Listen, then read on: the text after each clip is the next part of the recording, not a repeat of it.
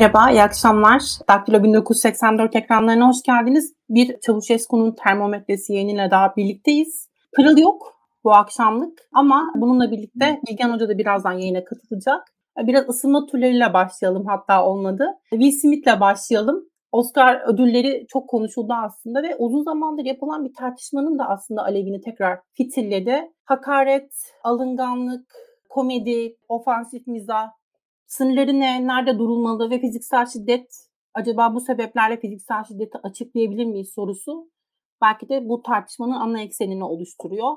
Yeni çağda farklı refleksler gösteriyoruz farklı durumları, anlamaya çalışıyoruz. Ama tabii hemfikir olduğumuz bir yerde yok belli ki. Herkesin farklı fikirleri var. Konumuzla başlayalım. Onur abi sen neler söylersin aslında bu törenlerle ilgili belki? Benle başlamayalım. İlkan konuya çok hakim. İlkan'la başlayalım. Tamam. Hay hay İlkan. Bu programlar sürdükçe bakalım entelektüel itibarımız azalacak mı artacak mı diye düşünüyorum. Ama ne olacağını bilmiyoruz artık izleyiciler karar versin. Yani liberal geleneğe çok kökten bağlı olan birisi değilim ama liberal geleneğin içerisinden gelen birisiyim. Bu açıdan da ifade özgürlüğünü öne alan birisiyim açıkçası. Öne çeken birisiyim burada.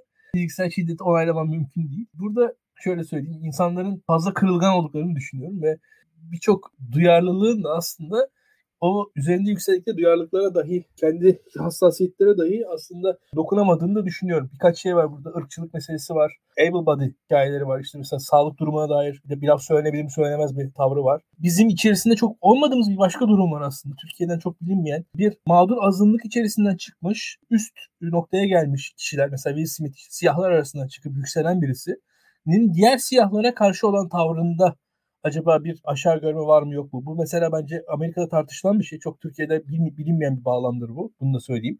Hatta Will Smith beyaz olsaydı oyumu atabilir miydi den ziyade mesela sahnedeki komedyen beyaz olsaydı onu atabilir miydi? Ve çünkü sahnedeki komedyenden bekledikleri siyah olduğu için daha fazla Will Smith'in diye düşünüyorum. O tarafı var o işlerin. O yüzden ben hiç onaylamadım. Hatta bizim timeline'deki tartışmalarda da bazı kavramların çok yanlış kullanıldığını gördüm. Şaşırtmadı ama konuşacak çok açı var aslında. Bu güzel. Yani ırkçılık açısı var, ifade özgürlüğü açısı var, able body kavramı. Neyin esprisi yapılır, neyin esprisi yapılmaz mesela. Bir anda saç kıranla kanser gibi bir muamele yapılmaya başlandı. Bir taraftan şey düşünüyorum yani yaşlı insanlara dair mizah yapılabilir mi? Köylere dair mizah yapılabilir mi? Bir ara şey vardı hatırla bir işte şarkıcının kulisindeki körlerin birbirine çarptıklarından falan bahsediyorlar. Herkes gülüyordu ona. Ama ya bazen gülünebiliyor bazen gülünemiyor bazı şeylere. Yani o gülündüğü anla gülünmediği an arasındaki farka bakmak lazım. Amerika'da tabii mizahta biraz fazla o şeylere, o sınırlara sınırlar üzerinden giden biz. Amerikan kültüründe genelde şey bir özgürlük ve muhafazakarlık çatışması üzerine doğmuş bir şey Amerikan kültürü aslında. Yani Amerikan kültüründe bir yerde püriten bir bağnazlık vardır. Bir yerde de özgürlükçülük vardır. O ikisi çatışır sürekli birbirlerine ve hani bir yanda sert kurallar işler ve onun yanında da tam bir özgürlük yaşanır. O ikisinin arasındaki çelişki Amerikan kültürünü yaratır bakıldığı zaman.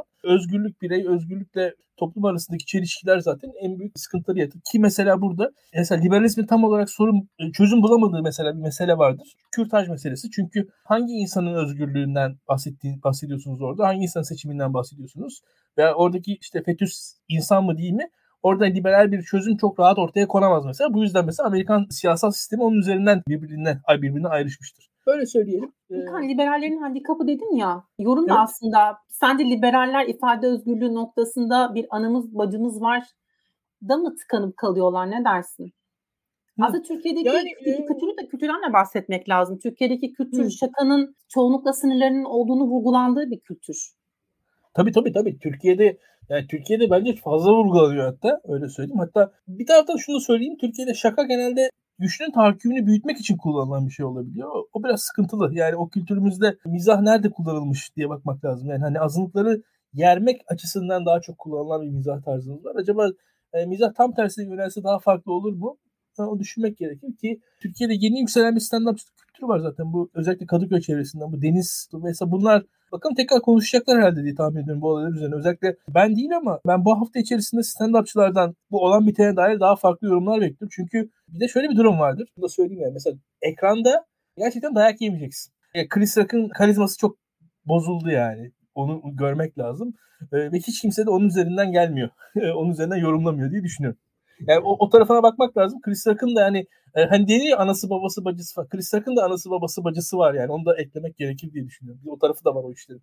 Onur Alp sana dönerken şeyle süsleyeyim ben de. Yani Türkiye'ye döndük madem bir Alevi şakası vardı sanırım. Doğru hatırlıyorsam eğer. Bir Cumhuriyet Halk Partisi milletvekili Eren Erdem e, onun tutuklanmasını istemişti. Kadın sanırım gerçekten gözaltına da alındı sonrasında. Sen de oradan değerlendir istersen. Eğer illa Oscar'ı reddediyorsan. Yani yok reddetmiyorum Oscar'ı da yani burada şey işte şeyde düğümleniyor mesela. İlkan tabii liberal olarak, liberal bir perspektiften baktı. Ben daha dayanışmacı bir yerden bakarsam eğer sosyal demokrasi e, bağlamında. Yani ama yani burada tabii bizim de sonuçta ifadeyle ilgili en azından liberal prensipleri çünkü sonuçta hani e, liberal demokrasinin kurumlarını savunan e, bir noktada olduğumuz için bir yerde bakıyorsun evet hakikaten ifade özgürlüğüyle ilgili bir paradoksa düşüyoruz aslında burada ya da burada bir açmaza düşüyoruz. Ama öbür taraftan tabii ki bu işin en temel yanı fiziksel şiddetin kesinlikle ve kesinlikle reddedilme noktasında düğümleniyor. Çünkü bunu kabul ettiğimiz andan itibaren ne olacak? Yani mesela beğenmediğimiz her diskurda birbirimize mi saldıracağız? Bu şekilde işte şey yani Hobbes'un söylediği doğa durumuna dönmüş oluyoruz. Yani hani e, o zaman işte e, devletin varlığının sebebi ne? E, gibi bir noktaya gidiyor. Ama öbür taraftan ifade özgürlüğüyle alakalı alanı daraltırsak, devlet bu alana çok fazla müdahale etmeye başlarsa da bu defa tabii daha büyük bir paradoksa düşüyoruz demokrasi bağlamında. O yüzden sanırım biraz burada mesele şurada düğümleniyor. Birincisi tabii ki çok fazla böyle ahlakçı bir yerden duyar kasmanın mutlaka kenara bırakılması. Ama öbür taraftan da tabii diskurun en azından insanların birbirine karşı kullandığı diskurun en azından kişisel saldırganlığın e, bir kenara bırakıldığı bir noktadan sergilenmesi gerekiyor. Bu noktada sanırım biraz da herhalde iradi iyilik, iradi kötülük noktasında düğümleniyoruz. Bilgen Hocam hoş geldiniz. Biz de sizi beklerken ısınma turuyla başladık aslında. Oscar törenlerini tahmin ediyorum önünüze düşmüştür bir şekilde. Burada ifade özgürlüğüne dair neler tartışıldığını aslında neler tartışılabileceğini ya da işte bu önümüzdeki dönemde bu tartışmanın nereye evrilebileceğini konuşuyorduk. Onunla ilgili yorumlarınız varsa onları alayım. Ya ben hafta sonu yaklaşık 62 saat çocuk baktım durdurak bilmeden. Dolayısıyla Oscar bekar insanların işi yani. Bekar insanlar Oscar konuşuyor. Benim dünyamda öyle bir şey yok. Ama gördüm yani hani hadiseyi. Yani çok içeriğine hakim olmamakla beraber yani öncelikli prensip sözel bir eleştiriye veya saldırıya ne olursa olsun küfür de olabilir bu. Fiziksel bir şekilde mukabele edilemez. Yani öncelikli olarak bunlar arasında bir fark var. Yani sözel saldırı ile fiziksel saldırı aynı kategoride yer alamaz. Dolayısıyla sözel saldırıya sözel saldırı şeklinde mukabele edebilirsiniz. Yani küfür edene küfür edebilirsiniz. Küfür edene yumruk attığınız zaman bu farklı türde tepkiler oluyor. Dolayısıyla öncelikli olarak o benim dünyamda kategorik olarak yanlış bir şey. Fiziksel şiddet. Yani çok öncelikli prensibim budur benim hayatta.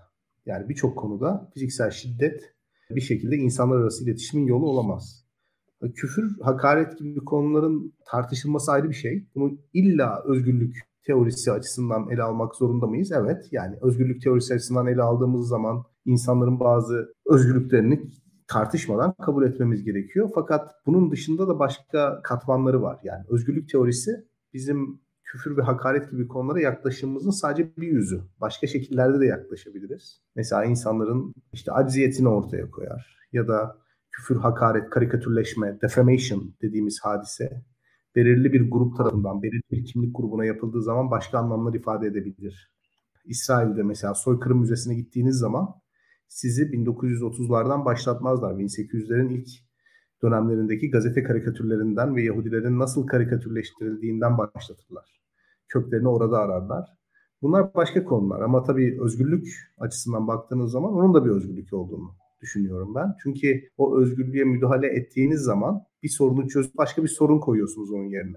Bir sorunu başka bir sorun yaratarak çözüyorsunuz. O da devletin herhangi bir konuyu yorumlama ve müdahale etme hakkı. O bence çok daha büyük bir sorun. Yani özel kişilerin veya devletin altında yer alan bir grup insanın size hakaret etmesinden daha kötü olan bir şey. Onların hakaretini cezalandırmak için devleti iş başına çağırmak ve devletin hakareti yorumlama hakkını tanımak.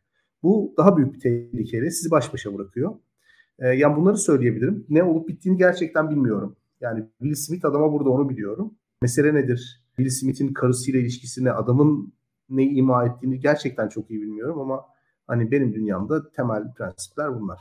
Fiziksel şiddeti görüyorsunuz ve içeriğin ne olduğundan bağımsız aslında her halükarda belki de karşı çıkılması gereken şey tam olarak da bu. Ukrayna işgalinden konuşmak istiyorum ama yanıyla da vurgulayayım. Ona da kısa zaman ayıracağım ve programın geniş kapsamını aslında muhalefet liderlerinin buluşmasına ve e, muhalefetteki aslında gelişmelere endekslemek istiyorum. O yüzden Ukrayna iş, işgalindeki son durumları aslında değerlendirelim. Rusya'nın e, işte Putin cephesinden gelen aslında bizim hedeflediğimiz zaten bu işte Donbas vesairenin kurtarılmasıydı diye bir açıklama yapıldı. Niye ne kadar gerçekçi, ne kadar değil bunu bilmiyoruz ama taktik mi değil mi? Bunları konuşmak istiyorum. İlkan senle başlayalım bu tura. Şimdi şunu biliyoruz Maya bu tarz açıklamalar taktik olabiliyor. Şimdi mesela neden? Rusya'nın ciddi bir lojistik meselesi var e, cephede ve bu lojistik meselesi için her ara, savaşa verilen ara Rusya açısından faydalı. Yani o lojistik meselesini birazcık daha çözmüş oluyor. Bütün bunlardan dolayı, bütün bunlardan dolayı Rusya bu tarz şeyleri deneyebilir. Ama bir yandan da gerçekten de umutlu olmak da istiyor insan. Ben de istiyorum. Yani umarım bu iş hala yola çabucak kavuşur. Gerekirse şöyle söyleyeyim ben. Belki de yani Donbas ve Kırım'ın egemenliklerini Ukrayna Rusya'ya veriyorum diyemez. Böyle bir deme yetkisi yok bence yani Zelenski'nin. elinde öyle bir yetkinin olduğunu düşünmüyorum ben. Hiçbir cumhurbaşkanı ülkemin şu topraklarını veriyorum ben diye böyle bir şey yapamaz ama belki şu olabilir. İşte atıyorum 30 yıllığına Rusya'da kalsın, egemenlik olarak Ukrayna'da kalsın, yönetim olarak Rusya'da kalsın. İşte şu yıl sonra bir referandum yapılsın falan tarzında. Aslında fiilen Rusya geçişi kabullenecek ama teoride o işi belki de 50-60 yıl sonrasında öteleyecek bir anlaşma belki yapılabilir. İşte atıyorum belki de hani Singapur gibi 100 yıllık falan bir anlaşma yapılsa en azından günlük savaştan kurtuluruz ve insanlar ölmez. Yani ben bu tarz bir anlaşmanın efenişer olacağını umuyorum. Yani insani olarak bir defa o tarafta bir umudum var. Bunun ötesinde ama Rusya'nın ciddi olarak bir defa şunu şunu net bir şekilde gördüm Maya. Bir ay içerisinde, iki ay içerisinde Rus savaş makinesine dair ciddi şekilde Amerikan savaş makinesinin bizi nasıl kodladığını fark ettim. Ve biz gerçekten Rusya'ya övgülerinin çoğunun ben artık Amerikan silah tüccarları tarafından yapıldığına inanmaya başladım. Yani bu Kennedy zamanında bir mis misal yap vardı. Burak Bilgehan bilir. Yani onun derslerini falan vermiştir yani insanlara. Böyle aslında olmayan bir füze açığı 1950'lerden itibaren Amerikan toplumuna böyle füze açığımız var. Ruslar bizi aldı alıyor, yendi yeniyor diye böyle bir şekilde soğuk savaşa kodlayabilmek için e, halka öyle pro- propaganda yapıldı. Ve halk bir şekilde o büyük askeri harcamaları, yani kimya savaşı yokken aslında yapılan büyük askeri harcama, harcama, harcamalar kabul ettirildi o halka, Amerikan halkına. Şu anda da Rusya'nın yine askeri olarak gereğinden fazla övüldüğünü görüyorum. Övüldüğünü anlıyorum daha doğrusu son 30 yılda. Ve bu övgünün aslında da hiç de açıkçası öyle Rus taraftarı falan olmayan kökleri olduğunu düşünmeye başladım. Çünkü gerçekten de çok yaygın bir övgüydü bu.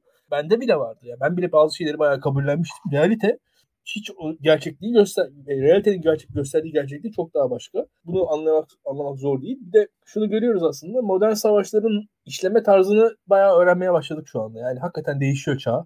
Ve o çağla beraber eski paradigmalar geride kalıyor. Zırhların nasıl sıkıntılar çektiğini veyahut da atıyorum özellikle dummy yani aptal mühimmat artık akıllı mühimmatın tersi olarak söylemem lazım. Yani o, o aptal mühimmatların lojistikleri mesela ciddi mesele haline geliyor. Boşuna bomba atıyorsunuz o, o, ve o taşıdığınız o boşuna attığınız bombayı kilometrelerce taşıyorsunuz cephe hattına kadar. O bombaları taşımak için de bir benzini de taşıyorsunuz cephe hattına kadar. Yani aslında her attığınız boş kurşun size çok daha geriye dönüp katlanarak bir maliyet sağlıyor diye düşünüyorum ve o pahalı akıllı bombalar belki daha akıllı mı? Hani daha tasarruflu mu acaba sorusu geliyor. Yani savaşın finansmanı ve lojistiği konusunda da enteresan sorular düşündürttü bu son Ukrayna'nın işgali bana. Orada bir tıkanmanın Rusya tarafında olduğunu ben görüyorum kısacası. Yani son yılların bilmiyorum belki de en büyük insani hareketlerinden biri yaşanıyor. Sayı olarak yani Afganistan'da yaşananlardan neredeyse daha yüksek bir, Suriye'de yaşananlardan da daha yüksek bir hızlı hareketten bahsediyoruz. 10 milyon Ukraynalı'nın yer değiştirdiğinden bahsediliyor. Bu bir ay içerisinde. Çok büyük bir sayı bu. Yine biz Daktilo'da farkındaysanız bayağı üzerinde duruyoruz. Hem Ukrayna'da hem Rusya'da ciddi bir göç hareketi var. Hem Ukrayna'dan hem Rusya'dan Rus, bu ülkenin dışına doğru hem de bu ülkenin dışındaki Rusların yine Türkiye'ye doğru hatta eski Doğu bloğu ülkelerindeki, eski Sovyet ülkelerindeki Rusların da hareketlerini göreceğiz diye düşünüyorum ben. Ne yazık ki bu göç hayatımızın içerisinde olmaya devam edecek. Çok ciddi sıkıntılar yaşayacağız. Çok ciddi sıkıntılar yaşayacağız. E bazı fırsatlar da var tabii. Bu genelde de Türkiye açısından değerlendirirsek de Türkiye'ye jeopolitik alanlar açıyor gerçekten de. Yani klasik örnekler. Yani iki büyük güç öyle de böyle çatıştığı zaman orta boy güçlere bir alan açılıyor. Türkiye'ye de o alan açılmış durumda. Türkiye bunu nasıl kullanıyor ayrı bir tartışma konusu. Ayrıca konuşuruz. Onur abi sana dönmek istiyorum. Sen hem işgal gündemini nasıl değerlendiriyorsun, gidişatla ilgili neler söylersin hem bir de izleyicilerimize şeyi de hatırlatmış olalım. Ee, sanırım yarın da İstanbul'da bir görüşme gerçekleşecek. Ee, Ukraynalı ve Rus heyetler arasında. Türkiye'nin arabulucu olarak burada rol üstlendiğini görüyoruz. Neler söylersin? Yani işte bu az önce aslında İlkan'ın söylediği Türkiye'ye açılan jeopolitik alandan çok bağımsız bir şey değil Türkiye'nin bugün oynamaya çalıştığı rol. Yani burada şimdi tabii şöyle bir nokta var. Evet Rusya hakikaten hepimizin beklentisinin aksine ikmal hattı çekmeyi beceremedi. Çok hazırlıksız bir aslında e, giriş olduğunu gördük Ukrayna'ya. Burada tabii enteresan bir şey var aslında. Rusya NATO yayılmasını engelleme iddiasında ve yani bu kadar bu iddiadayken ve bu iddiayı çürütmeye çalışırken nasıl bu kadar hazırlıksız olabiliyor? İşte herhalde burada da otoriter liderlerin liyakatin yerine sadakatin aldığı kadrolarla çalışmasının bir uzantısını görüyoruz. Bunu da söyleyebiliriz. Öbür taraftan baktığımızda tabii bugün stratejilerin tamamı aslında bakıldığında Rusya'nın amacını ortadan kaldıran bir şey değil. Rusya'nın amacı ne? Ukrayna'nın Karadeniz'e bağlantısını kesmek. Yani bugün bundan vazgeçseler yarın mutlaka e, Putin bu bağlamda yeniden girişimlerde bulunacaktır. Ve dolayısıyla burada tabii e, aslında şöyle bir şey, şöyle bir nokta var. Türkiye'nin burada açılan alanda ne yapmaya çalıştığını görüyoruz. Özellikle Amerika Birleşik Devletleri ile ilişkilerini düzeltmeye çalışıyor. Yaptırımları gevşettirmeye çalışıyor. Bunun yanında F-35 Patriot ve bunun yanında sıcak para arayışı var Amerika Birleşik Devletleri'nden. Burada asıl sıkışmışlık durumunda bakalım Amerika ne kadar e, bu konuda Türkiye'ye tavizkar davranacak. Bunu da göreceğiz aslında. Öbür taraftan burada Türkiye ile alakalı biraz da iç politikaya getireyim. Belki buradan geçeriz hem Burak Hoca konuştuktan sonra. Bugün Türkiye'de yaşanan rejimden rahatsız olan birçok insanın ki bunlar solcu olduğunu, solda olduklarını iddia ediyorlar. Ben İlkan'la daha önce bir yaptığımız bir programda bu tür bir sol yanayı için şey demiştim. Onların gözü sola bakmıyor, onların gözü doğuya bakıyor demiştim. Yani Rusya'ya, Rusya'yı kastetmiştim. Hakikaten bunun çok açık bir örneğini görüyoruz. Yani Türkiye'deki rejimi yaşamak istemeyen insanlar başka bir halkın böyle bir rejimde yaşamasını gayet benimseyebiliyorlar. Hatta böyle bir rejimin bir başka ülkeyi işgal etmesini benimseyebiliyorlar ve bunun adını da işte özgürlükçülük, solculuk olarak kamuoyuna dayatmaya çalışıyorlar. Bir kere e, sol evrensel olma iddiasında bir ideolojidir. Tıpkı diğer ideolojiler gibi.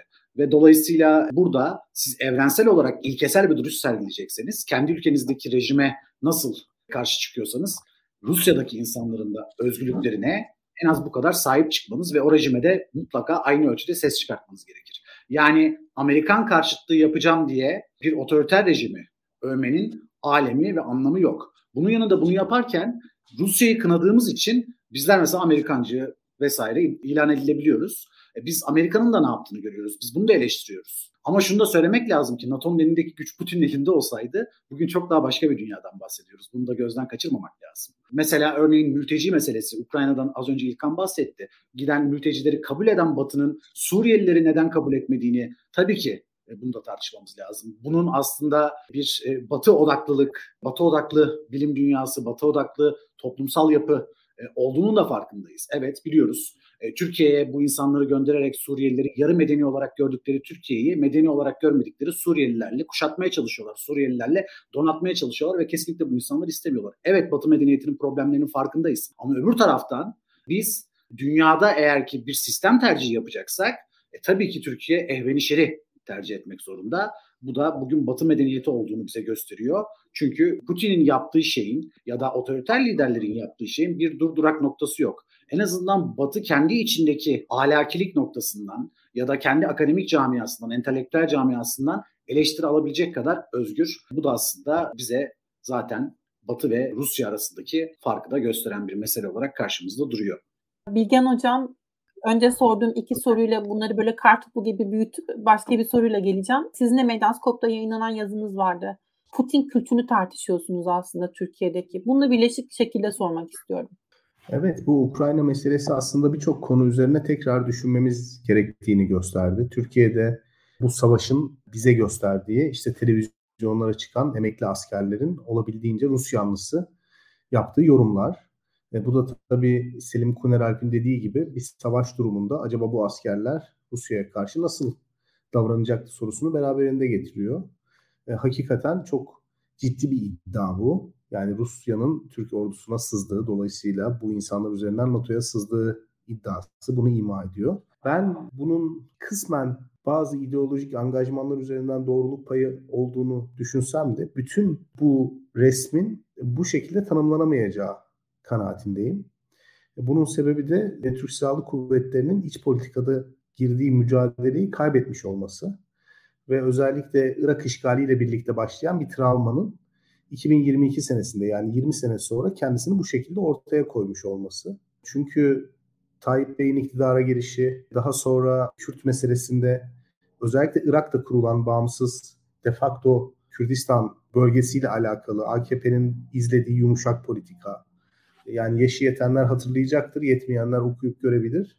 2002-2008 arası Türkiye'nin bütün gündemi Kuzey Irak'a operasyon yapıp yapmama üzerineydi.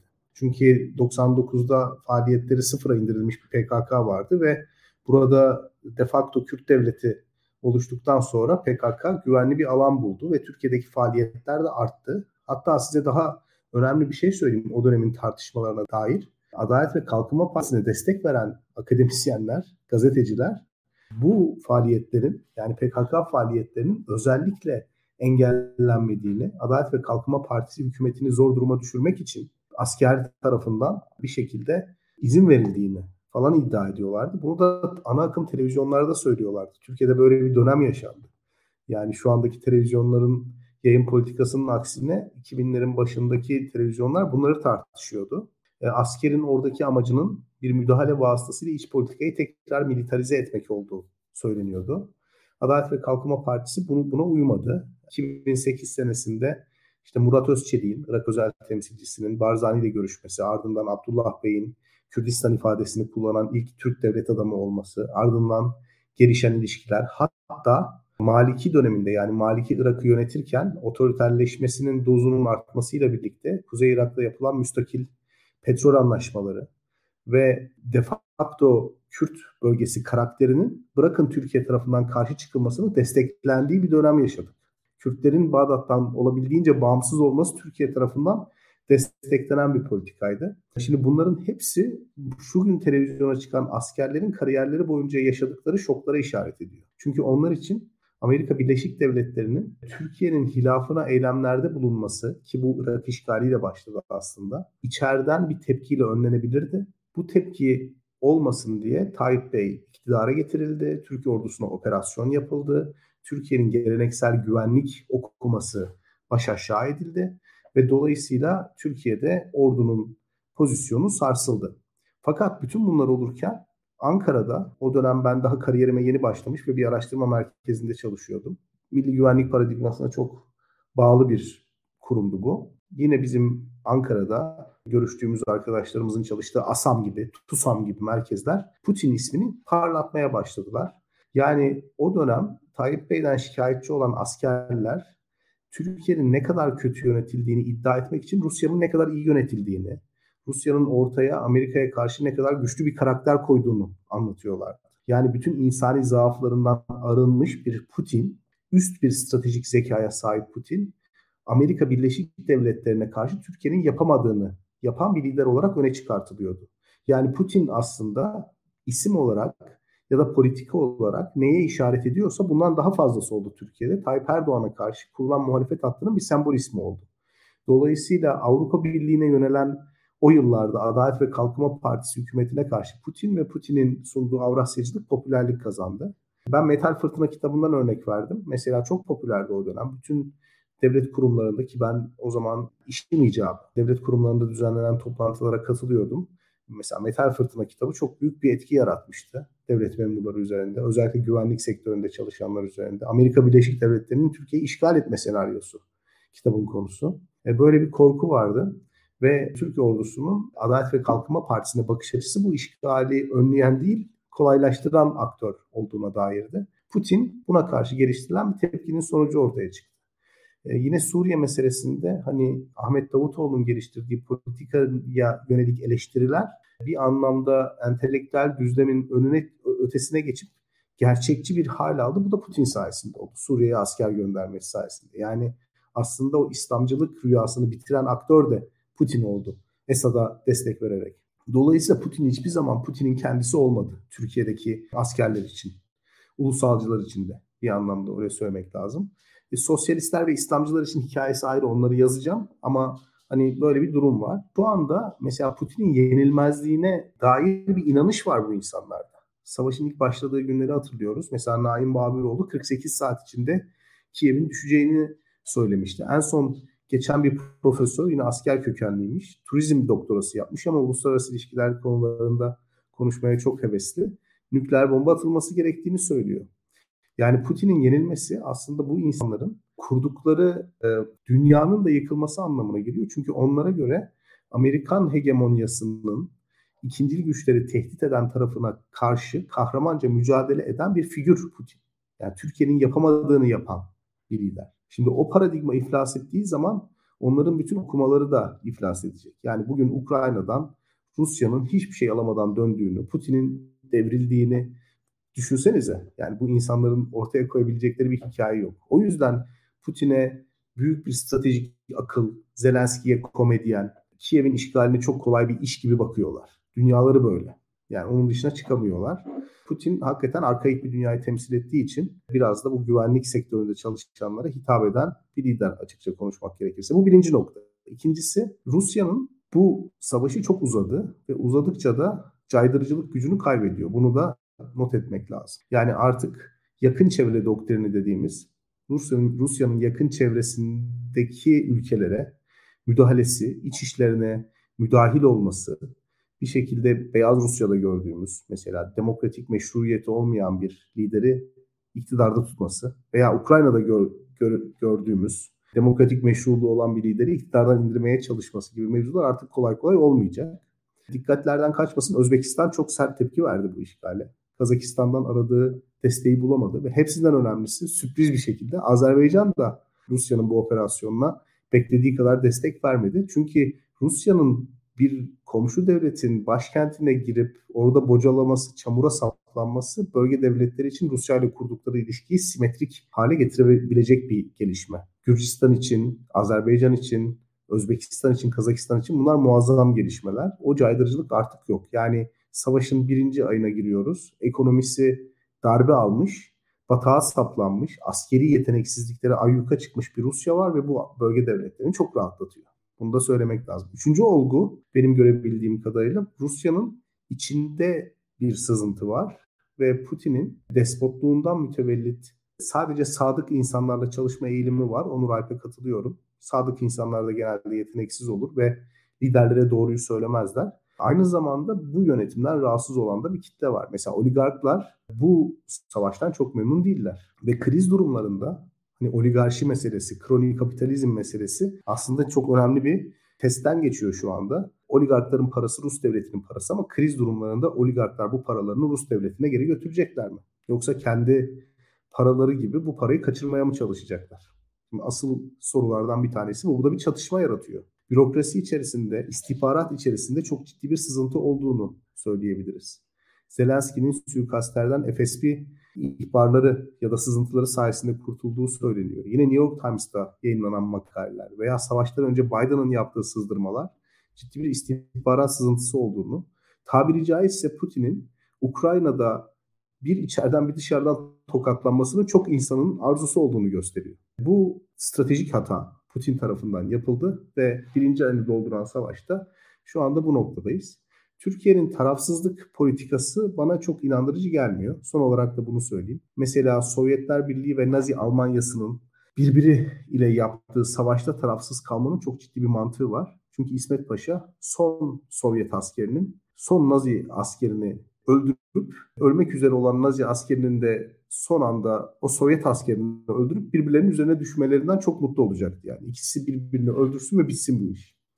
Çünkü hangi tarafı seçse diğer taraf tarafından işgale uğrama tehlikesi vardı. Dolayısıyla bağımsızlık orada çok kıymetli ve diplomasi gerektiren bir mesele. Şimdi buradaki durum o, kadar da stresli bir mesele değil. Yani bütün Avrupa'nın tavır aldığı yaptırımlarla ama öyle ama böyle yeni bir dünyanın, yeni bir dönemin başladığını herkesin kabul ettiği, Amerika Birleşik Devletleri'nin bu konuda çok net tavır sergilediği bir durumda Türkiye'nin tarafsızlığı çok uzun süre sürdürülebilecek ve doğru bir politika işaret etmiyor bana sorarsanız. Ve benim anlamadığım nokta bugün Kabil Havaalanı'nı korumak Türkiye'nin bekası gereği bir politikaydı. Yani Türkiye'nin, Ankara'nın güvenliği Kabil'den başlıyordu 6 ay önce. Hafter milislerinin Sirte'de kaybetmesi bizim için vatan millet meselesiydi. Yani Libya iç savaşında bir savaşan gruplardan bir tanesi Türkiye'nin milli güvenliği açısından çok önemliydi.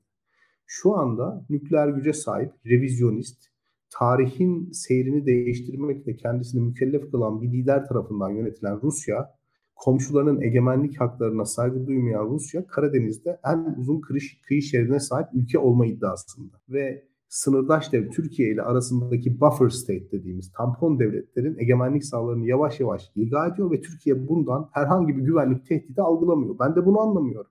Yani Türkiye'nin dünya üzerinde güvenlik tehdidi algılayabileceği en ciddi durum şu anda yaşanıyor ve Türkiye burada tarafsızlık gibi bir rol içerisinde. Bunu açıkçası çok makul bulmuyorum. Uzun sürede devam ettirebileceğini düşünmüyorum. Hükümetin burada oynadığı biraz garip bir oyun var. Yani NATO'ya karşı bağlılık bildirip ertesi gün Ethem Sancak ve Doğu Perinçe'yi Moskova'ya Rus Dışişleri Bakan Yardımcısı ile görüşmeye göndermek gibi. Selçuk Bayraktar'ın İHA ve SİHA'larını Ukrayna'ya gönderip Berat Albayrak'ın abisi tarafından yönetilen Turkuaz medya grubunu aşırı derecede Putinci bir propaganda yapar hale getirmek gibi. Bu politikanın amacı da biraz önce Onur Alp söyledi. Aslında olabilecek ihtimalleri hesaplamak. Yani Batı'nın yaptırımlarına katıldığı takdirde uğrayacağı kaybı Batı'dan tahsil etmek. Yani Batı'dan para bulmak ile Rusya'nın Batı'dan kovulan oligarklarının parasını Türkiye'ye çekmek arasında bir hesap yapıyor ve win-win kazan kazan durumu olduğunu düşünüyor. Bu çok boyutlu dış politika izlemeye çalışan yıllardır aslında Türkiye bunu yapmaya çalışıyor. Ülkelerin hayali bir, bir anlamda budur. Kendisini hiçbir zaman kaybetmeyecek bir durumda bulmak ister. Fakat onun da en büyük riski iki taraf tarafından aynı anda tekmelenmektir. Ee, yani bugün savaşın seyrinin değişmesi tarafların Türkiye'ye olan ihtiyaçlarının azalması durumunu da beraberinde getirebilir. Şu anda stalemate durumunda yani ortada takılıp kalmış durumda olan bir savaşta Türkiye'nin pozisyonu mükemmel gözüküyor. Fakat bu savaşın seri değiştiği anda Türkiye bir tercih yapmak, yapmadığı takdirde de bir anlamda hem Rusya'dan hem Batı bloğundan aynı anda tepki görmek durumunda. Çok konuştum. Estağfurullah. Artık iç gündeme dönelim aslında birazcık. Alt muhalif liderin, alt muhalefet liderinin bir araya gelmesi söz konusuydu. Bu sefer ev sahibi Ali Babacan oldu. Deva Partisi'nde bu görüşme gerçekleşti. Bir bildiri de yayınladılar üstelik. Ama yayınlanan bildiride hala çok somutlaşan bir işbirliğinin olduğunu bilmiyorum. Görüyor muyuz, görmüyor muyuz? Bununla ilgili İlkan'la başlayalım istersen. İlkan ne dersin? Ama seçim güvenliğiyle ilgili belki Daktilo'da yaptığımız çağrılar bence vücut bulmuş olabilir. Çünkü onunla ilgili bir masa kurulmasına karar verdiler. Yani olay ne kadar somut olursa o kadar iyi. Ama ben şöyle söyleyeyim Maya. Seçim güvenliği konusundaki somutlaşma iyi. Ama biz bir, bir noktada daha somutlaşma yaşıyoruz şu anda mesela. Yaşadığımız somutlaşma ne? Seçim yasası. Mesela seçim yasası değişikliği diye bir şey yapılıyor ortada. Ben seçim yasası değişikliğine dair muhalefetin bizi politize etmesi gerektiğini düşünenlerdenim. Çünkü mesela seçim yasası değişikliği nötr bir şey. Yani demokrasiye dair bir şey, sandığa dair bir şey, herkese dair bir şey. Yani bugün Hüdapar'ı da etkileyecek bir şey. Adalet ve Kalkınma Partisi'ni etkileyecek bir şey. Vatan Partisi'ni de, Deva Partisi'ni etkileyebilecek bir şey. Yani mesela seçim yasası haricinde bu kadar partiyi ben yan yana hiçbir şekilde anamam. Yani çok basitçe. Hani seçim yasası benim tüm partileri beraberce anmamı sağlayabilecek kadar genel bir şey. Şimdi bu yüzden de Millet İttifakı gibi aslında ideolojik bir çerçevesi paydası olmayan daha ziyade bir konjonktürel şekilde yan yana gelmiş partilerin çok rahatlıkla kullanabileceği bir siyasallaşma aracı. Çünkü siyaset de bir motivasyonla ilerleyen bir şey. Çünkü Tayyip Erdoğan'ın görevinin son bulunması evet iyi bir motivasyon aracı. Çünkü 20 yıllık Tayyip Erdoğan iktidarın Türkiye'yi getirdiği yer ortada. Bu kullanılmalı. Bunu muhalefet kullanıyor. Bu çok güzel. Ama mesela bunun yanında yeni bir motivasyon, yeni bir siyasallaşma aracını muhalefet görüyor şu anda ve kullanmıyor. Ben anlamıyorum. Yani şu anda bizim her gün seçim yasası konuşmamız gerekiyordu. İktidarın bu seçim yasası neleri hedeflediğini, nasıl bir şekilde Türkiye'yi dönüştürmeye çalıştığını, Türkiye'nin demokrasisine nasıl müdahil olduğunu, oyun içerisinde nasıl kural değiştirdiğini herkesin herkese anlatması gerekiyordu. Ve daha ziyade bizim şöyle söyleyeyim benden daha sert konuşan siyasiler olmalıydı. Ben onlardan alıntılar yapmalıydım. Bizler mesela Onur Alp hocamız demeliydi bize ya bu, bu da çok sert konuşmuş falan demeliydi. Yani ben anlamıyorum bir seçim yasası değişikliğine karşı herkes çok nötr, çok sakin. Nasılsa her şey çok kolay oldu falan. Böyle çok rahat durumda insanlar. Ben yani çok o tarafını anlamıyorum. Bir, bir defa komisyon kurulması vesaire e, seçim güvenliğinin ciddi alınması güzel de doğrudur. Olması gerekir. Ama şunu söylemek lazım. E, burada seçime Yüksek Seçim Kurulu'nun yapısına dair değişiklikler var. Ya bakın Türkiye'de Cumhuriyet tarihi çalışmış bir insan mesela Onur Alp Değil mi? Şöyle yani Yüksek Seçim Kurulu'nun kurulma tarihi var. Yani Türkiye'nin mesela tarihinde bu ciddi bir tarih. İşte İsmet İnönü, Nihat Erim nasıl gidiyorlar, sistemler getiriliyor. Bunlar bunlar derslerde anlatılıyor. Bunlar yani Türkiye'nin demokrasisi nasıl kuruldu diye. Ve ya biz mesela geçen senelerde atıyorum Amerikan sistemini tartışırken Amerika'da seçimleri eyaletler yapıyor. Türkiye'de yüksek seçim kurulu yapıyor. Bu Türkiye demokrasisi daha iyi falan dedim ben bu yayınlarda. Yani biraz bu bu işler yani Türk demokrasisinin en işler yanlarına dair do, yanlarına dokunmaya başladı hükümet. Bunlara normal bunlar normal karşılanmamalı. Ya bakın ya şöyle söyleyeyim. Yüksek Seçim Kurulu diye bir şey kurulsun. Bu işler hakim teminatı altına girsin. Bu, bu işler hani doğru yolu girsin diye. Demokrat Parti 4 yıl boyunca bunu bağırdı çağırdı. Yani bu, bu kadar mı hiçbir şeyden habersiz insanlar var ortada. Ya ben hala anlamıyorum. Çünkü bir defa çok kolay herkesi yan yana getirebilecek bir şey. Yani ya ben Temel Karamollaoğlu'yla her konuda anlaşamam. Ama seçim yasası konusu konusunda cidden konuşabilirim. Selahattin Demirtaş'la her konuda anlaşamam. Mithat Sancar'la anlaşamam ama seçim yasası konusunda bir ortak payda gayet net bulunabilir. Sandığın kutsallığı konusunda bir ortak payda gayet net bulunabilir. Türkiye'deki en radikal insanlar bu noktada ama sandığa dokunulmamalı diyebilir. Dedirtilebilir bu insanlar ki yarın bir gün farklı siyasal görüşlerden gelen, farklı backgroundlardan gelen insanların aynı adaylara oy vermesini umuyorsunuz siz. Bu, bu noktada bile motive etmiyorsanız bu insanları neden umuyorsunuz bunu yani? Bu umduğunuzu bulamayabilirsiniz diye söyleyeyim ilk başta. Yani stratejik olarak da amaçlarına hizmet etmeyen bir hareket olduğunu görüyorum şu anda. Onur Hapsen'le devam edelim. Hem liderlerin buluşması hem seçim güvenliği tartışması bu yeni yasayla birlikte neler söylersin? Bir kere şunu söyleyeyim. Dünkü metinde hiçbir şey yok. Yani ben hiçbir şey anlamadım dünkü metinden. Oğlum öyle bir metin niye yayınlandı bunu da anlamadım. Yayınlanmasa hayatımızda ne değişirdi bilmiyorum. Burada şöyle bir şey var. Şimdi İlkan çok güzel noktalara temas etti. İki şey var. Birincisi güçlendirilmiş parlamenter sistemin propagandası yapılıyor. İkincisi ne? Bize söyledikleri şey seçim güvenliğini sağlayacağız. Güzel. E bu da teknik bir konu. İyi de senin seçim güvenliğini sağlaman ne zaman işe yarayacak? Seçimi kazandığında işe yarayacak. Kazanmazsan Adalet ve Kalkınma Partisi'nin oyları için seçim güvenliğini sağlamayacağına göre muhalefet bir işe yaramayacak. Şimdi şöyle bir şey var. Rakip 10 kişi kalmış. Rakip yorgun, oyuncuları sakat. Ancak öbür taraftan muhalefet orta sahada top çeviriyor. Şimdi yani sizin rakibinizin ne olduğu, futbolcularının ne durumda olduğu önemli değil. Siz atak yapmalısınız. Gol atmadan maç kazanamazsınız. Muhalefet inatla seyircinin maç kazandırmasını bekliyor. Yani seçmen se- seçmen üzerine odaklanıyor ve mutlaka seçmenin kendilerinden yana oy kullanacağından emin. Seyirci maç kazanmaz. Seyirci maç kullanmak için seni motive eder. Ama bu motivasyon karşılıklıdır. Sen önce iyi futbol oynayacaksın ki seyirci motive olsun. Seyirci maça gelsin. Şimdi biz bugün görüyoruz ki ciddi bir kararsız seçmen var. Bunların ne kadarı protesto oy kullanacak bunu bilmiyoruz. Dolayısıyla sen ciddi bir kitleyi hala maçı izlemeye gelmeye ikna edememişsin. Dolayısıyla bunu yapmanın yolu nereden geçiyor? Siyaset yapmaktan geçiyor. Şimdi hatırlayalım 2017'de Adalet ve Kalkınma Partisi referandumu geçirirken ne vaat etti topluma? Güç vaat etti değil mi? Güçlü bir liderlik vaat etti. Ama bugün gelinen noktada güçlü liderlikten esamesi yok. Bütün bütün tartışma Kılıçdaroğlu'nun adaylığı üzerinden ya da Kılıçdaroğlu demeyelim bir ismin ada, adaylık isteği üzerinden daha doğrusu Türkiye'nin Adalet ve Kalkınma Partisi sonrasına kesin gideceğini düşünen CHP elitlerinin artık partide de Kılıçdaroğlu sonrasını düşünerek genel merkezde çeşitli koltukları işgal etme arzularına dayanan bir noktaya evrildi. Şimdi iyi güzel de harika olabilir. Kemal Bey aday olmak da isteyebilir. Ama burada düşünmemiz gereken bir şey var. Şimdi birincisi bu işi bu kadar zorlamanın yani aslında siyaset oy alma işi olduğu için anketler bunun aksini söylerken bu noktada diretmenin faydası ne? Birincisi bu. İkincisi, ikincisi muhalefet dediğim gibi teknik meseleleri konuşup insanların şu sorusuna cevap veremiyor. Şimdi düşünün ki Türkiye e, çoklu organ yetmezliği yaşayan bir hasta. Birçok alanda problemi var. Öbür tarafta başhekim bir heyetin bakması gereken hastayla alakalı heyetle ilgili bilgi vermiyor hasta yakınına.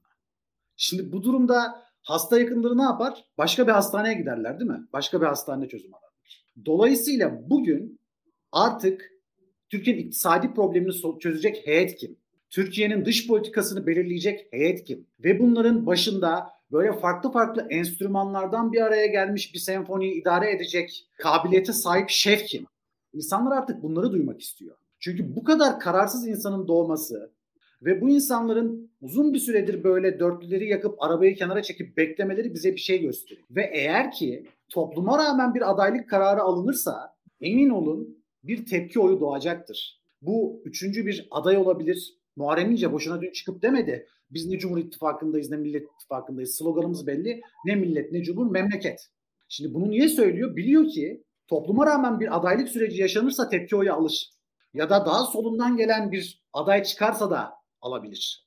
Millet İttifakı'nın adayını. Şimdi burada Adalet ve Kalkınma Partisi'nin belirlediği oyun sınırında oynamak muhalefetin düştüğü çok büyük bir hata ama bu da neden kaynaklanıyor hatırlayalım. Kemal Bey'in adaylık iddiası başladıktan sonra ortaya çıktı. Yoksa muhalefet gündem belirlemeye başlamıştı ama bütün tartışma adaylık üzerinden şekillenmeye başlayınca yine her zaman yapılan hata Adalet ve Kalkınma Partisi'nin gündemine teslim olma meselesi ne evrildi. Çünkü bugünün mevcut konjüktürünü nedense muhalefet inatla bağımsız bir değişken olarak algılıyor. Bunun böyle olmadığını her seferinde görmesine rağmen yapıyor. Bugün az önce İlkan bir şey söyledi. Bu seçim yasası meselesi. Evet partiler bir araya gelebilir. Neden biliyor musunuz? Çünkü bugün özellikle muhalefet bloğunun içindeki bazı partiler bu şu demek. Onların amblemi pusulada olmayacak demek. Çünkü muhtemelen büyük partilerle o listelerden gitmek zorunda kalacaklar seçimlere. Şimdi iyi güzel de bir taraftan bu partilerin iddiası Adalet ve Kalkınma Partisi'nden oy almak. Ama öbür taraftan baktığınızda düşünün sandığa gidiyorsunuz. Oy vereceğiniz yeni partiniz yok ama eskiden oy verdiğiniz parti var pusulada. Şimdi bu o partiler için bir handikaptır. Cumhuriyet Halk Partisi'ne örneğin gidecek mi bu insanların eli? Bunu bilmiyoruz. Dolayısıyla burada bu siyasal mobilizasyonu yapabilecek asgari kapasiteye sahip olması gerekir muhalefetin. Çünkü dediğim gibi bu noktada ne var? Bu noktada ne var? Seyirciyi maça getirememe gibi bir risk var diyorum. Şimdilik duruyorum. Bilgen Hocam siz nasıl değerlendiriyorsunuz bu metni? Ucu açık mı, belirsiz mi, doğru siyaset yapılıyor mu, yürütülüyor mu yoksa daha aktif bir sürece mi evrilmeli artık? Biz Ekim'de yaptığımız programlarda çok ciddi bir sorunun başlangıcını görmüştük. Bunu da söyledik. Çok da tepki aldık. Özellikle bu Irak ve Suriye tezkereleri sırasında sanki biz hükümetin militarist ve irasyonel dış politikasını destekliyormuşuz gibi bir tablo çizildi. Halbuki mesele orada başka bir şeydi. Geçtiğimiz sene Eylül ayından itibaren yani Adalet ve Kalkınma Partisi'nin artık iyice oy kaybettiği aşikar hale geldikten sonra e, şöyle bir psikoloji hakim oldu muhalefete. Kim aday olursa olsun bu seçimi kazanır. Şimdi bu çok tehlikeli bir şey. Çok tehlikeli bir şey çünkü minimalist siyasetten maksimalist siyasete dönüşü işaret ediyor. Yani seçimi kazanmaktan daha çok seçimden sonra kurulacak Türkiye'nin hangi istikamette yer alacağına dair maksimalist talepler bu sefer e, gündemi belirlemeye başlıyor. Halbuki 2019 2021 senesinin Mayıs'ına kadar 2019 senesindeki yerel seçim zaferi bunun sonucuydu. 2021 Eylül'üne kadar ittifakın son derece sağlam ve güçlü bir şekilde ilerlemesi de bunun sonucuydu. Yeni kurulacak hükümetin yani seçimden başarıyla çıkacak hükümetin oluşturacağı rejimin içeriğinden ziyade prosedürleri konuşuluyordu. Yani aslında Kemal Bey'in de karakterine uygun olan muhalefet tarzı buydu. Hani uzun yıllar devlete hizmet etmiş bir bürokrat olarak ve aslında merkezi de Cumhuriyet değerleri olarak benimsemiş. Böyle bir partinin genel başkanı olarak Kemal Bey de bu muhalefet hattını iyi kurdu. Yani devletin kurumlarının kanuni sorumluluk çerçevesinde işlemesi, bürokratların partizan olmaması, kamu harcamalarının denetlenmesi, yargının bağımsız olması gibi konular devletin iktidarın prosedürleriyle alakalı konular ve İlkan'ın biraz önce seçim yasası ile ilgili bahsettiği konsensüs meselesi aslında bu hatlardan da çok kolay kuruluyor. O yüzden İyi Parti seçmeni ile CHP seçmeni aslında bu konularda çok rahat birbirleriyle anlaşan, birbirleriyle birbirlerini anlayan, birbirleriyle dayanışma içerisinde ilerleyen bir tablo çizdiler. Yani 2021 Eylül'üne gelirken çok güçlü bir muhalefet vardı. İşte 128 milyar dolar nerede meselesi aslında hiç kimseyi rahatsız etmeyen bir meseledir. Çünkü yolsuzlukla alakalı bir meseledir. O dönemi hatırlayın. 2021 baharında biz az şeyler yaşamadık. Çok program yaptık burada. Sedat Peker ifşaları, işte ne bileyim Malatya'da pasaportla yurt dışına kaçan Fethullahçılar, Adana Demirspor tribünlerine Covid zamanında seyirci alınması, işte AK Parti Genel Merkezi'nde uyuşturucu satan adam neler neler ya bir bir bahar mevsimi yaşadık ki sormayın yani. Şimdi bunların hepsi hükümete atılan, hükümet tarafından, yani hükümet tarafından gelen bir anlamda paslardı. Muhalefet bunları çok başarılı bir şekilde gole çevirdi.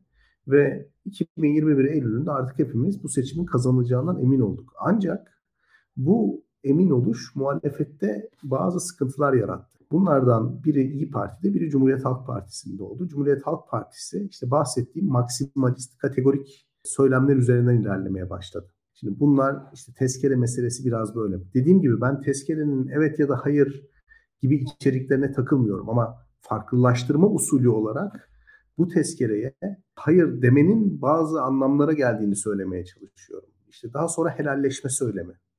İşte daha sonra Kavala'nın ve Demirtaş'ın serbest bırakılacağı söylemi. Yani burada artık prosedürlerin ötesine geçip bir hüküm veriyorsunuz ve sizin özlediğiniz rejime dair bir şeyler söylüyorsunuz. Halbuki bizim alışkın olduğumuz muhalefet ittifakı Kavala ve Demirtaş'ın özgür kalması veya tutsak olmasının ötesinde yargı bağımsızlığına dair bir şeyler söyleyen bir muhalefet ittifakıydı. Yani prosedürlere dair bir şey söyleyen bir muhalefet ittifakıydı.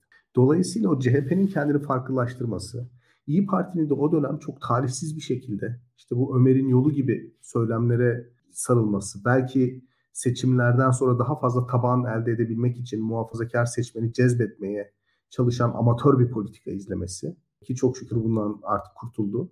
Bir anlamda muhalefet ittifakını çok ciddi anlamda bir krize soktu. Ve şu karşımıza çıktı. Maksimalist bir değişim isteyenler yani Türkiye'nin seçimden sonra demokratik bir rotaya girmesini isteyenlerle seçimi kazanıp Türkiye'de devlet kurumlarını inşa etmek isteyenler arasında bir ayrım ortaya çıktı. Pratik siyaset konusunda tecrübesi olan isimler, kampanya yürütebilecek isimler, sokağa, çarşıya, pazara inip esnafla konuşan, pazarcıyla konuşan, halkla konuşan isimler birdenbire sanki çok ahlaksız bir iş yapıyorlarmış. Seçimleri kazanabilmek ile çok büyük bir günah işliyorlarmış gibi bir duruma düştüler. Güvenilmez, işte bu insanlar seçimi kazanırsa ne olacağı bilinmez bir durum tasvir edilmeye başlandı. Hakikaten hayretler içerisinde izledik. Ve bununla beraber tabii bu projenin destekçileri de kendilerini zaman içerisinde ifşa ettiler.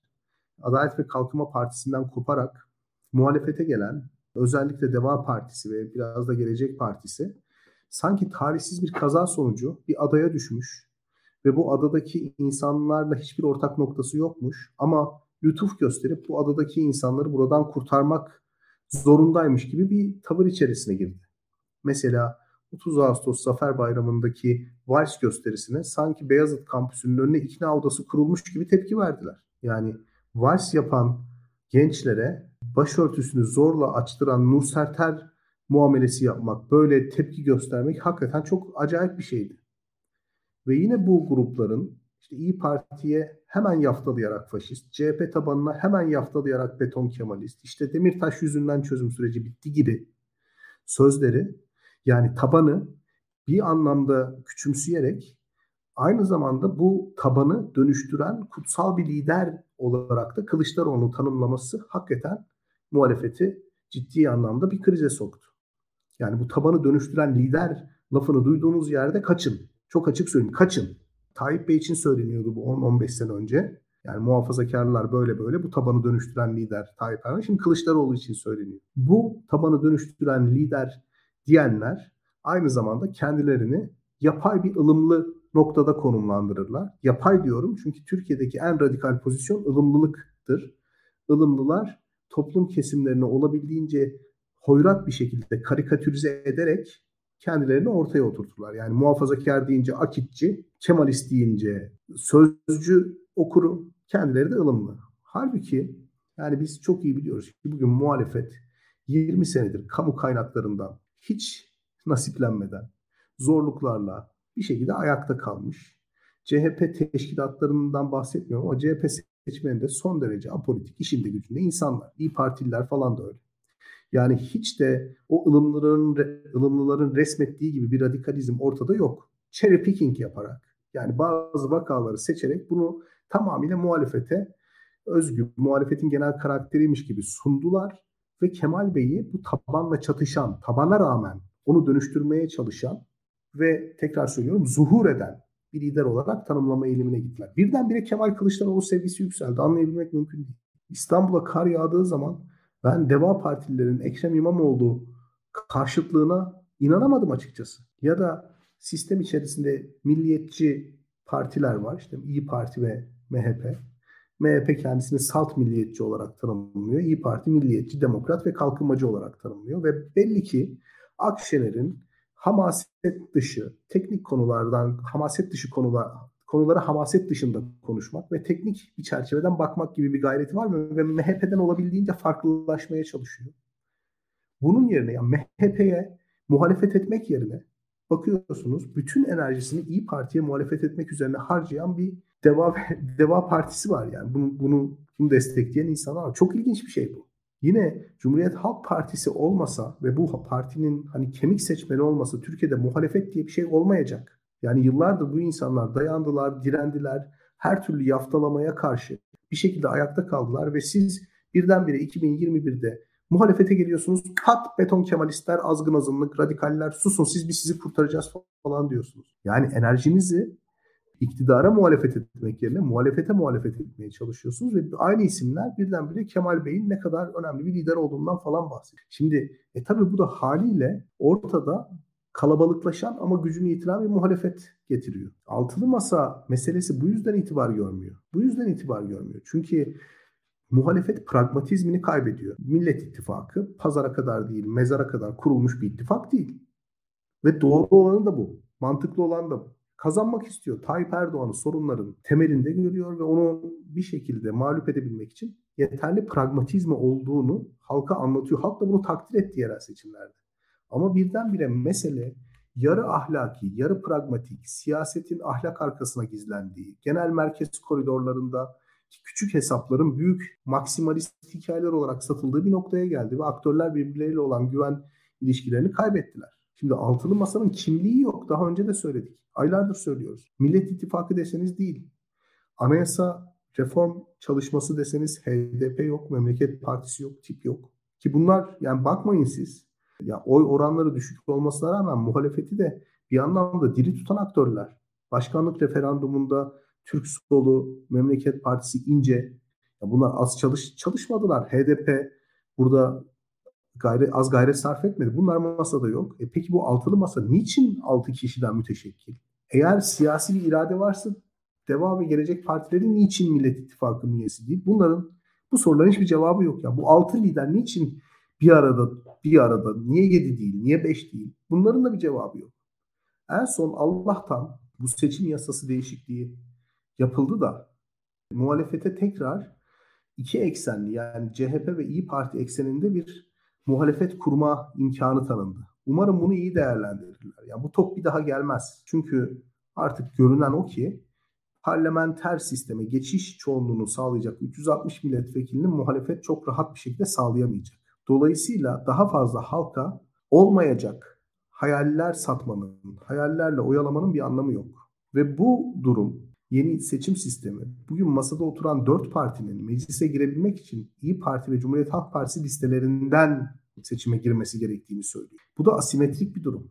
Eğer siz parlamentoya girmek için bu iki partiye muhtaçsanız bu iki partinin başkan adaylarını sorgulama ya da onlarla eşit hakka sahip olma gibi bir lüksünüz olamaz yani. Kusura bakmayın. Siyasetten bahsediyoruz. Hayır kurumu piyasasından bahsetmiyoruz. Yani hiç kimse hayır kurumu değil. Dolayısıyla bunların netleşmesi için son bir fırsat var artık muhalefetin önünde. Daha ciddiye alıp küçük hesaplarını bırakıp sonuca odaklanmaları lazım. Çünkü Tayyip Bey'in kaybettiği ama muhalefetin kazanamadığı bir seçim olarak tarihe geçecek yakında.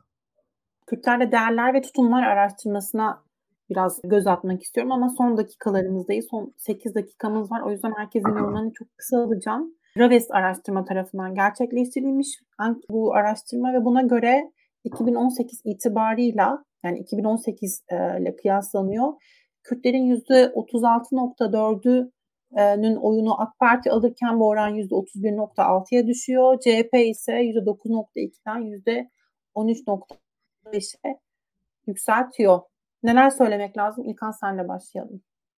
Bu araştırmalar Maya periyodik olarak yapılıyor ve iyi oluyor. Yani iyi oluyor derken şu, Türkiye'de öyle ya da böyle metropol gündemlerden bakıyoruz. Yani metropol şehirlerin gündemlerini takip ediyoruz ve bu yüzden de bazen Kürt azınlık, Kürtler üzerindeki sosyal dönüşümleri tam yakalayamıyoruz. Ve Türkiye'de Türkiye toplumunun geneline hitap eden ezberlerimiz var. Bu ezberler belki doğru. Yani mesela Türkiye'de atıyorum siyasal pozisyonlanma nasıl e, belirlenir? Yani dinle laiklik arasındaki çelişki Türkiye'deki siyasal pozisyonu 3 aşağı 5 yukarı belirler. Yani çok hata, genelde e, açıkçası dinle ilişkisine, laiklikle ilişkisine e, baktığınız zaman Türkiye'de siyasal olarak hani birden ona kadar skalada nerede durduğunu görürsünüz insanın. Türkiye'nin çoğunluğuna geçerlidir. Ama işte Kürtlerde bu o kadar geçerli değil aslında. Yani onu görmek lazım. Onun ilginç yansımalarını görüyoruz bence bu araştırmanın ayrıntılarında diye düşünüyorum. Şu açıdan önemli. Cumhuriyet Halk Partisi ile HDP arasında 10 yıldır neredeyse devam eden bir inceden inceden bir temas, konuşma, e, yakınlaşma var. Cumhuriyet Halk Partisi seçmeni burada aslında muhalefette Burak Bilgehan'ın bahsettiği şekilde bir tavır sergiledi ve HDP'nin barajı aşması için birkaç seçim arka arkaya bir ciddi tavırı Cumhuriyet Halk Partisi seçmeni gösterdi diye düşünüyorum. Bu tavırlar da insanları etkiler. Yani öyle ya da böyle etkiliyor diye düşünüyorum. Yani öyle bir toplumlar, sosyal gruplar birbirlerinden habersiz yaşamazlar, kompartımanlar halinde yaşamazlar. Asıl hikaye orada dönüyor diye düşünüyorum. Bu e, büyük siyasal söylemlerin ötesinde toplumun kökünde hani denir ya e, orada bir çatışma yok aslında. Orada bir uzlaşma var yani. Orada bir anlaşma var. Onun etkisinin yavaş yavaş geliştiğini görüyorum. Burada da şu önemli bence. Cumhuriyet Halk Partisi HDP arasındaki yakınlaşma ama bir yandan da bize satıhta ya böyle bir yakınlaşma var demek ki HDP'den CHP'ye bir oy geçişi olabilir diye bir algı yaratabiliyordu. O oy geçişi var mıdır yok mudur? Biraz var. Özellikle gençlerde var ama yani aslında Cumhuriyet Halk Partisi'nin kendi sosyal olarak temsil ettiği nispeten daha kentli, daha okumuş kesimlerin oyları diyelim. Şimdi bu kesimlerin bir ciddi bir kısmı da Kürt coğrafyasında Adalet ve Kalkınma Partisi'ne oy veriyorlar.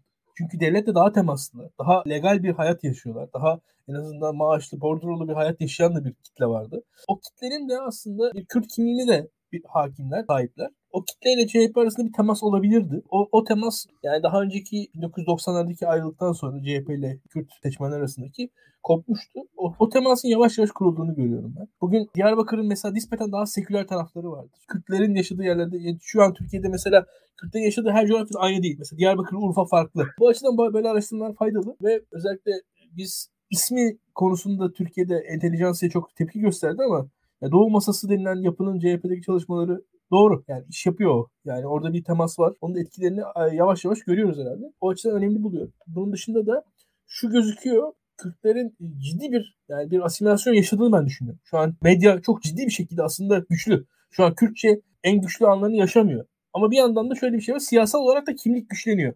Yani bugün belki de yani İrlandalıların yaşadıkları İrlandaca yok ortada ama İrlandalılık kimliği güçlü bir noktada. Kürtler de ona benzer bir dönüşüm yaşıyorlar sorusunu ben bu tarz araştırmalarda genelde görüyorum. Hani aklımda o beliriyor. Yani dil yavaş yavaş arka plana kayıyor. Belki daha kültürel bir noktada kendini konumlayacak diye düşünüyorum. Çünkü daha öncesinde Türkiye'de belki daha sert politikaların olduğu zamanlarda kadınlar evde yaşadıkları için ve Kürtçenin dışındaki bir dile çok temas edemedikleri için Kürtçe orada ev dili olarak devam ediyordu. Bir noktada kendi varlığını sürekli sürdürüyordu ama bugün televizyonlar, internet vesaire evin her tarafına kadar girdi. Dilin girmediği bir yer yok. O yüzden hani Kürtçenin korunabileceği bir alan yok. Bunun sonucunda Kürtçe açısından da Kürtler açısından da enteresan zamanlar gelecektir diye düşünüyorum. Ya bu bir yandan siyasallaşma olacak, bir yandan temas olacak, bir yandan dönüşüm olacak. Hepsini beraber yaşayacağız. Burada tabii hani her yönetici konumunda olan insanların sağlıyor, akıllı, mantıklı olmaları gerekiyor. Muhtemelen öyle olacaklardır diye düşünüyorum. İlginç araştırma, devamı gelmelidir. Onur abi senle devam edelim. Kürtler kime oy verecek sence? Ve yani aslında aday Millet İttifakı'nın aday tercihinin burada sence önemli rol oynayacağını düşünüyor musun? Önemli rol oynar mı? Master tezi spesifik olarak CHP'nin Kürt sorunu söylemi olan birine bu soruyu sorarak başına bela aldın diye düşünüyorum. yani şimdi şöyle bu tür araştırmaların tabii İlkan'ın dediği gibi görüyoruz. Bu ara arttı tabii şey çünkü Kürtler hani seçimin biraz kaderini belirleyecek bir noktaya geldikleri için. Burada şöyle bir şey var. Şimdi birincisi bence önemli bir nokta şu. Bir, bir diğer araştırmada şimdi hatırlayamadım kimin yaptığını ama HDP'lilerin ikinci partisi CHP olmuş durumda. Bu epey önemli bir kırılma bu işte İlkan'ın dediği gibi Kemal Bey'in seçilmesinden itibaren aslında Kürtlerle kurulmaya çalışılan o diyalog kanallarının ne kadar önemli olduğunu gösteriyor. Bunun bir karşılık bulduğunu gösteriyor. Yani hatırlarız işte Sezgin Tanrıkulu partiye girdiğinde daha CHP ulusalcılıktan tam dönüşememişti. Kıyamet kopmuştu Cumhuriyet Halk Partisi'nde. Ama tabii bu günden güne aslında e, bir karşılık bulmaya başladı. Öbür taraftan tabii Kürtlerle e, Cumhuriyet Halk Partilerinin ya da şöyle söyleyeyim e, Kürtlerin diğer muhaliflerle aslında problemleri ortaklaştı. Özellikle Suriyeli göçmenlerle beraber işte mevsimlik işçilik gibi aslında en ucuz emek gücünü temsil eden ve Kürtlerin genellikle özellikle Doğu ve Güneydoğu'da yaşayan Kürtlerin genellikle yaptıkları işler Suriyelilerin eline geçti. Çünkü daha ucuz bir emek gücünü temsil etmeye başladılar. Bu birinci boyut. Dolayısıyla işsizlik ve yoksulluk derinleşmeye başladı Kürtler arasında. İkincisi liyakatin olmaması meselesi tabii son derece etkili. Özellikle MHP'lilerin 2016'daki darbe girişiminin ardından devlet kademelerinde yükselmeleriyle beraber Kürtler aslında böyle biraz 90'lardaki işte o travmatik süreçlerine benzer bir mülakatlardan dışlanma süreci yaşamaya başladılar. Bu ayrı bir travma olarak karşımızda duruyor. Dediğim gibi yani iktisadi, sosyal birçok şey var. Bunu genişletebiliriz ama bunlardan dolayı aslında muhalefet bloğuna günden güne yanaşmaya başladığını Kürtlerin görüyoruz. Öbür taraftan işte az önce Burak Bilgen Hoca'nın da söylediği aslında bu iki partinin meselesine geliyoruz. Burada şöyle bir şey var. Şimdi şöyle bir hata yapılıyor muhalefette genel olarak. Altı partinin oyunu topladım. Cumhur İttifakı'nı yendim. Şimdi güzel de siyaset matematiksel bir şey değil bu kadar. Siyasetin biraz bir analitik bir yanı var. Dolayısıyla bu biraz gözden kaçırılıyor gibi. Şimdi bu analitik yanı nereden görüyoruz? Örneğin İmamoğlu, Kılıçdaroğlu ve Mansur Yavaş'ın adaylığı senaryolarına bakıldığında Kürtlerin oy davranışını ortaya koyuyoruz. Burada Kılıçdaroğlu bakın ne kadar ideal bir aday gibi böyle söylenir değil mi Kürtler açısından işte hani özellikle kimliğinden dolayı falan. Bir puan fark yiyor Erdoğan'dan. Gerisinde Erdoğan'ın Kürtler içinde. E Mansur Yavaş bir puan önünde mesela onu da tam tersi bir yerde görürüz. Ama öbür taraftan baktığımızda İmamoğlu 10 puan Dolayısıyla dediğim gibi yani bu bize aslında siyasetin ne kadar analitik bir şey olduğunu gösteriyor. Öbür taraftan Burak Hoca'nın az önce bıraktığı yerden çok ufak bir ek yapıp bu Türkler meselesine sanırım cevabı verdim burada çünkü. Bir ufak ek yapacağım. Şimdi şöyle bir şey var. Siz kendi tabanınızı ya da şöyle söyleyelim yıllardır kamu kaynaklarından mahrum kalmış tabanı bir kenara bırakıp yıllardır kamu kaynaklarını başka bir vesileyle kullanıp bugün sizin vesilenizde kullanmaya çalışan insanları mutlu etmeye çalışırsanız o iktidar olsanız da o iktidarı sürdüremezsiniz. Demokrat Parti iktidarı yıllarında Menderes bir süre teknokratlarla çalışıyor. Bakanlıkları onlara veriyor. Ve tabandan çok büyük bir tepki çektiği için Menderes bir anda bu koalisyonu yani daha doğrusu bu elitler elitler koalisyonu dağıtıp parti içinden gelen insanlara bakanlık vermek zorunda kalıyor. Şimdi böyle bir boyutu var. Çünkü işte Burak Hoca defaatle söyledi bunu. Bunca insan CHP'liler, İyi Partililer yıllarca Adalet ve Kalkınma Partisi'ne karşı bir seçim kazanmak için enerji harcamışlar, para harcamışlar, her şeyi yapmışlar, hayatlarından vermişler, davalara muhatap olmuşlar. Dolayısıyla şimdi siz bu insanları diyeceksiniz, siz kenara çekilin. E öbür taraftan biz yıllardır kamu kaynaklarını kullanan bu insanlara kendi iktidarımızda da kamu kaynaklarını kullandıralım. Şimdi tamam helalleşelim de hem Ali Tatar'la hem de ismini vermek istemiyorum o dönem bu davalarda tetikçilik yapmış bazı isimlerle helalleşemezsiniz. Siyaset bir tercih yapma işidir. Siz eğer ki böyle giderseniz, bu kafayla giderseniz ben size olacak şeyi söyleyeyim. Tıpkı Peron'un gidip Peroncuların tekrar dönmesi gibi bir noktaya gidebilir Türkiye. Çünkü Erdoğan yenildiği anda Türkiye'de Erdoğanizm bitmeyecek. Dolayısıyla siz kendi tabanınızı, her şeyden önce kendi tabanınızı, sonra toplumu mutlu edemezsiniz. Ama toplumu mutlu etmenin yolu unutmayalım ki öncelikle kendi tabanınızı mutlu etmekten geçiyor. Dediğim gibi Erdoğanizmi, Erdoğan, Erdoğan'ın iktidarını bitirseniz de Erdoğanizmi daha güçlü şekilde döndürme riskini taşırsınız. Bilgehan Hocam size devam edelim. Kürtlerin tercihlerinin değiştiğini, değiştiğine ilişkin aslında çok fazla şey okuyoruz. Bu araştırmada belki onunla ilgili olarak değerlendirilmeyi hak ediyor. Bununla birlikte Millet İttifakı'nın adayının kim olacağı meselesi de çok önemli. Çünkü HDP'den yapılan açıklamalarda genelde e, ilk turdaki ilk turda ortak adayı destekleme eğiliminde olduklarını söylüyorlar. Nasıl değerlendiriyorsunuz? Ortak adayın kim olacağı meselesi etkili olacak mı Kürtlerin oy verme davranışında? Ben bugün bir makale okudum. Makale yerli ve milli söyleminin Kürtler üzerinde e, yarattığı işte tepkiler Bununla ilgili bir araştırma yapılmış. Şimdi bu araştırma tabii çok enteresan. Kürtlerin aslında en önemli probleminin kendilerini bir yere ait hissetmeme olduğunu ortaya çıkartıyor. Çünkü özellikle 7 Haziran'dan sonra PKK'dan uzaklaşma, kendisini PKK'nın dışında bir kimlikle tanımlama ihtimali ortaya çıkmıştı. Yani HDP'lilik ihtimali önemli bir kimlik. Halen daha çok sarıldıkları bir kimlik ve onun PKK'dan uzaklaşması Kürtleri de çok mutlu eden bir hadise. Ama yerli ve milli söyleminin dışlayıcılığı sayesinde çok arafta bir durumdalar. Ve bugün Kürtlerin aslında bir talebi var. Bu talep daha fazla Kürt olma talebinden ziyade bu vatandaşlık meselesinin yeniden yorumlanması. Bunu iyi hesap etmek gerekiyor. İlkan'ın daha önce söylediği bir mesele var. Kürt gençlerinin hangi illerde üniversite tercihi yaptı? Bu çok önemli. Yani Sivas'ı yazmıyorlar, Konya'yı yazmıyorlar, Erzurum'u yazmıyorlar. Yani Adalet ve Kalkınma Partisi'nin kalelerini yazmıyorlar. Bunun yerine Mersin gibi, Antalya gibi, İzmir gibi, Eskişehir gibi daha liberal, daha CHP belediyelerinin hakim olduğu bölgelerde yaşamak istiyorlar. Çünkü bu insanlar bir vatandaş olarak normal, normalleşmiş bir vatandaş olarak hepimizle aynı talebe sahipler. Yani bugün Türkiye'nin seküler Türkleri diyelim, şehirli Türkleri, orta sınıf Türkleri, Adalet ve Kalkınma Partisi'nde nasıl kendilerini ait hissetmeme problemi yaşıyorlarsa aslında Kürtlerle bu aitlik meselesinde ortaklaştıkları nokta var. O yüzden hani CHP'nin temsil ettiği muhalefete Kürtlerin özellikle yeni kuşakların ilgi göstermesi çok normal. Bu bir. İkincisi büyük şehirlerde yaşayan Kürtlerin iktisadi hayat içerisinde çok ezildiklerini ve çok gerçek problemlerle başa çıkmaya çalıştıklarını görüyoruz. Gerçek problem derken hakikaten gerçek problemlerden bahsediyorum. Yani otobüs parası gibi, çocuk bezi gibi. Bunların kimlik politikasıyla çözülemeyecek tarafları var. Dolayısıyla iyi bir yönetime, iyi bir ekonomiye herkesin ihtiyacı var bu ülkede yaşıyorsa. Ve bu iktidarla bu mümkün değilse en kuvvetli alternatife yönelme tabii çok doğal bir şey. Fakat burada asıl sorun HDP'nin bütüncül bir parti olarak kendisini devam ettirip ettiremeyeceği. Çünkü HDP'nin bir Türkiye partisi olmak ile etnik parti olma arasında bir gerilim yaşadığını görüyoruz. Ve ilginç bir şekilde Ankara'nın da HDP'nin etnik parti olmasından da anlamlandıramadığım bir zevk duyduğunu söylemek zorundayım. Yani HDP demokratikleşme konuşmasın, HDP Türkiye'nin ekonomik problemlerini konuşmasın, HDP yolsuzluk konuşmasın, HDP sadece Kürtlerin meselelerinden bahsetsin. Türk siyasetinde bir kara delik gibi olsun. İktidar istediği zaman onunla dans etsin ama zinhar muhalefete yaklaşmasın. Muhalefete yaklaştığı anda muhalefeti de yakar. Biz de muhalefeti yakarız gibi bir tavrı var. Ve HDP'nin etnik parti olmasından da mutlu bir şekilde etnik parti kimliğini devam ettirmesinden memnun bir örgüt var PKK. Şimdi dolayısıyla bu mesele yani HDP'nin bütüncül bir aktör olarak devam edip etmeyeceği meselesi çok önemli. Geçen hafta da konuştuk ya da iki hafta önceydi tam hatırlamıyorum. Birincisi HDP'nin seçime girip giremeyeceği çok önemli bir konu. Parti kapatılabilir ve parti seçime giremeyebilir. İkincisi HDP'nin yekpare bir şekilde devam edip etmeyeceği çok önemli bir mesele.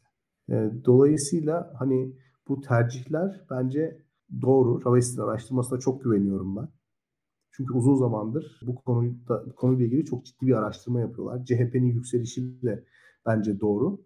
Ancak HDP'nin çözemediği Türk siyasetine katkı vermekten onu uzaklaştıran ve sürekli olarak Türk siyasetinde bir kara delikmiş gibi kendisine yaklaşan her şeyi içine çeken bir aktörmüş gibi dolaşma sorunu var. Bunun sorumluluğunun büyük kısmı hükümete aitse bir kısmı da kendilerine ait. Onu da söylemek gerekiyor.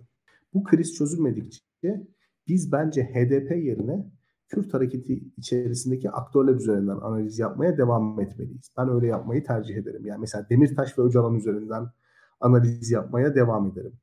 Yeni kuracağı partisiyle belki Ayhan Bilgen muhafazakar Kürtleri temsil edebilir. Ama yani ben parti üzerinden değil, bütüncül bir Kürt söylemi üzerinden değil, aktörler ve aktörlerin cezbedebileceği kitleler üzerinden analiz yapmayı tercih ederim. Uzun bir yayının sonuna geldik aslında. İlkan çok teşekkürler. Bilgehan Hoca çok teşekkürler. Onur Alp sen de konuk olduğun için, geldiğin için çok teşekkür ediyoruz. Daktilo'da seni ağırlamak her zaman çok büyük bir keyif. İyi akşamlar. İzleyenlere tekrar yayını beğenme ve abone olma çağrısında bulunmuş olalım. Podcast'ten dinleyenler umarım keyif almışlardır, alıyorlardır. İyi akşamlar. Haftaya görüşmek üzere. Thank you.